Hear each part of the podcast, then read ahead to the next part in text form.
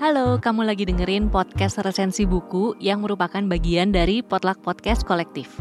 Di episode ini, kamu akan dengerin resensi buku dari teman-teman yang berpartisipasi di kompetisi podcast resensi buku 3. Kompetisi ini berkolaborasi dengan tujuh penerbit, yaitu Gramedia Pustaka Utama, Kepustakaan Populer Gramedia, Penerbit Haru, Buku Mojok, Penerbit Mizan, Bentang Pustaka, dan Gagas Media, dan juga berkolaborasi dengan Inti Megah Suara Indonesia. Selamat mendengarkan. Kamu pernah nggak sih merasa hidupmu sangat kacau? Rasanya itu seperti dunia nggak memihak kamu. Apa pun yang kamu lakukan, keputusan apa pun yang kamu ambil, ujung-ujungnya tuh gagal. Gak membuahkan hasil seperti yang diharapkan. Apalagi sekarang kita hidup di zaman teknologi, di mana khususnya media sosial telah menjadi bagian berinteraksi sehari-hari. Di sana, kamu bisa nemuin banyak banget kisah hidup orang lain, entah itu orang yang kamu kenal atau enggak. Dan kebanyakan yang kita lihat itu pasti kisah kesuksesan orang-orang yang buat kita jadi makin insecure. Tanpa kita sadari, kita sendiri yang justru membanding-bandingkan diri kita dengan mereka. Lantas, ada rasa penyesalan yang terlintas dalam pikiran kita. Rasanya ingin mengulang kejadian yang dulu dan mengubahnya. Nah, apa yang kita rasain itu sama kayak cerita dalam novel yang mau aku ulas ini.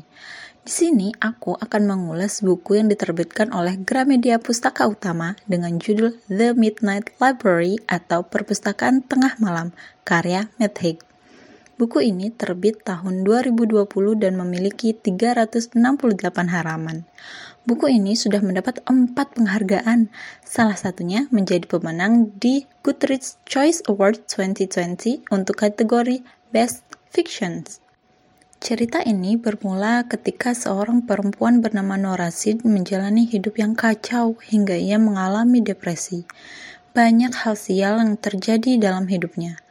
Dimulai saat ia masih sekolah, ia memilih untuk berhenti menjadi perenang yang sudah ia geluti sejak kecil dan mengecewakan sang ayah. Ia juga hengkang dari The Labyrinth, band yang dibentuk oleh kakaknya Joe yang membuat hubungannya dengan sang kakak tidak harmonis lagi. Ia gagal menikah dengan Dan, kekasihnya saat itu. Hubungannya dengan sahabatnya Izzy juga tidak berjalan dengan baik. Belum lagi Nora diberhentikan dari pekerjaannya sebagai penjaga toko maupun sebagai guru les piano. Lalu tetangganya yang sudah tua bilang kepadanya untuk gak perlu lagi membantunya mengambil obat karena beliau sudah menemukan orang lain untuk membantunya.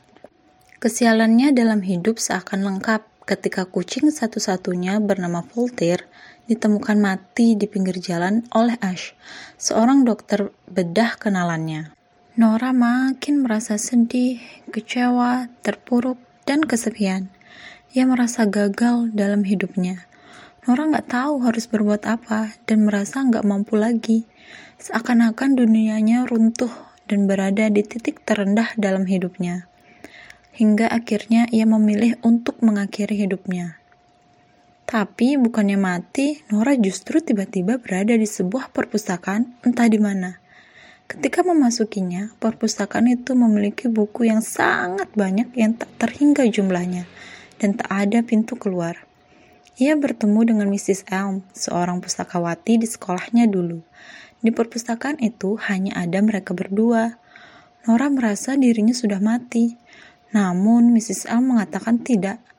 Ia menjelaskan bahwa di antara hidup dan mati ada perpustakaan, dan perpustakaan itu bernama perpustakaan tengah malam, karena setiap kejadian akan dimulai pada tengah malam dan waktu di tempat itu selalu menunjukkan pukul 00.00.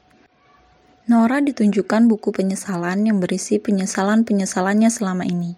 Mrs. Ong menjelaskan bahwa Nora memiliki kesempatan kedua untuk menjalani kehidupan yang pernah ia tolak atau sesali dan mencoba kehidupan berbeda untuk bisa menemukan kehidupan yang berarti baginya. Ia mencoba kesempatan itu dimulai dengan ia menikah dengan Dan, tinggal di Australia bersama Izzy, menjadi perenang profesional, hingga menjadi vokalis band terkenal.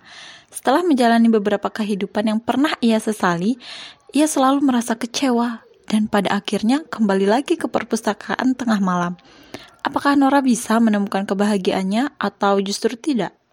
Menurutku, meskipun cukup banyak kejadian berulang dalam buku ini, mencoba kehidupan lain dan pada akhirnya kembali lagi ke perpustakaan tengah malam, mencoba lagi dan akhirnya kembali lagi. Tapi ceritanya itu nggak membosankan dan aku menikmati ragam kehidupan yang Nora jalani. Semua kejadian yang ada benar-benar buat ceritanya hidup. Gak ada kejadian yang gak penting, semuanya penting karena mempengaruhi jalan cerita secara keseluruhan. Cerita ini disampaikan menggunakan sudut pandang orang ketiga dengan alur maju mundur. Karena ini novel terjemahan, menurutku terjemahannya cukup bagus karena menggunakan bahasa yang mudah dipahami. Meskipun ada nih beberapa kata yang buat aku lagi asik-asiknya baca jadi kayak harus berhenti karena ada kalimat yang aneh. Selain itu, buku ini nggak ada daftar isinya, dan itu bagiku sedikit mengganggu awalnya karena aku tuh terbiasa melihat daftar isinya dulu sebelum membaca bukunya. Gunanya untuk melihat gambaran kira-kira buku ini bahas apa aja ya. Biasanya dari daftar isi itu aku suka nemuin hal menarik yang gak aku temuin dari sinopsis di belakang buku. Dan buat aku jadi makin tertarik dan berekspektasi tinggi untuk baca buku ini. Ide penulis mengenai penciptaan perpustakaan di masa transisi antara hidup dan mati menurutku menarik ya. Setiap chapter dalam hidup tokoh utamanya diibaratkan dalam sebuah buku. Jalan ceritanya juga dikaitkan dengan eksperimen dalam bidang fisika kuantum, sehingga memunculkan kehidupan paralel yang dilalui oleh Nora melalui buku-buku di dalam perpustakaan itu. Bagian menarik lainnya adalah unsur ceritanya yang kental dengan filsafat. Tokoh Nora juga digambarkan sebagai orang yang menyukai filsafat, dan banyak kutipan dari buku ini berisi kutipan dari be beberapa filsuf yang membuat aku makin kagum sama buku ini. Salah satu filsuf yang sering disebutkan adalah Henry David Thoreau, yang merupakan filsuf tahun 80-an. Aku sempat melakukan riset sedikit tentang Matt Haig, penulis buku ini. Haig merupakan seorang jurnalis dan novelis di Inggris. Bukunya kebanyakan dark tapi unik. Ia pernah menulis buku yang telah diterjemahkan dalam bahasa Indonesia dengan judul Alasan untuk Tetap Hidup, yang merupakan kisah hidupnya sendiri saat menjalani masa depresi hingga ingin bunuh diri. Dalam novel ini, Bethek ingin menyampaikan pesan tentang penyesalan dan menerima kehidupan yang tidak sempurna. Awalnya, tokoh yang ia ciptakan untuk buku ini bergender laki-laki, tapi ia mengubahnya menjadi gender wanita karena ia merasa dirinya makin masuk ke personality gender laki-laki. Sebenarnya novel ini mengangkat isu kesehatan mental, khususnya depresi dan bunuh diri, yang dark banget tapi dikemas secara ringan, berasa kayak lagi baca buku self-help tapi versi fiksinya.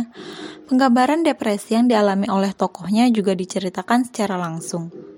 Cerita ini menurutku relate banget sama kehidupan zaman sekarang, karena beberapa tahun terakhir ini isu kesehatan mental menjadi pembicaraan yang hangat di kalangan masyarakat, khususnya anak muda. Banyak hal yang bisa menjadi pemicu dan mengganggu kesehatan mental seseorang.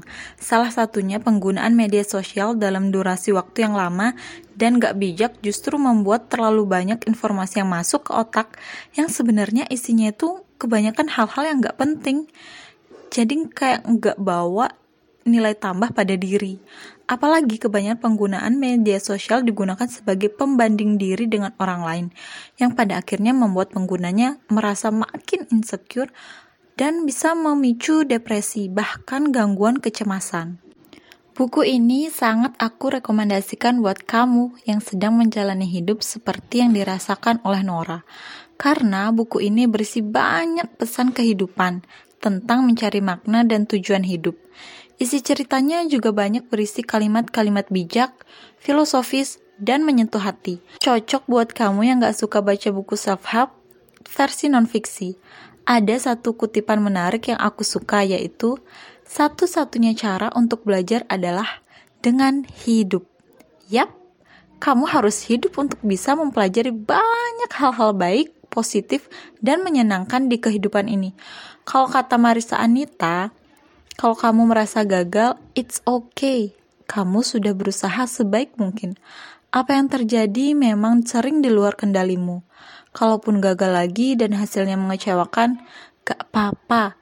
Masih ada hari esok untuk mencoba lagi.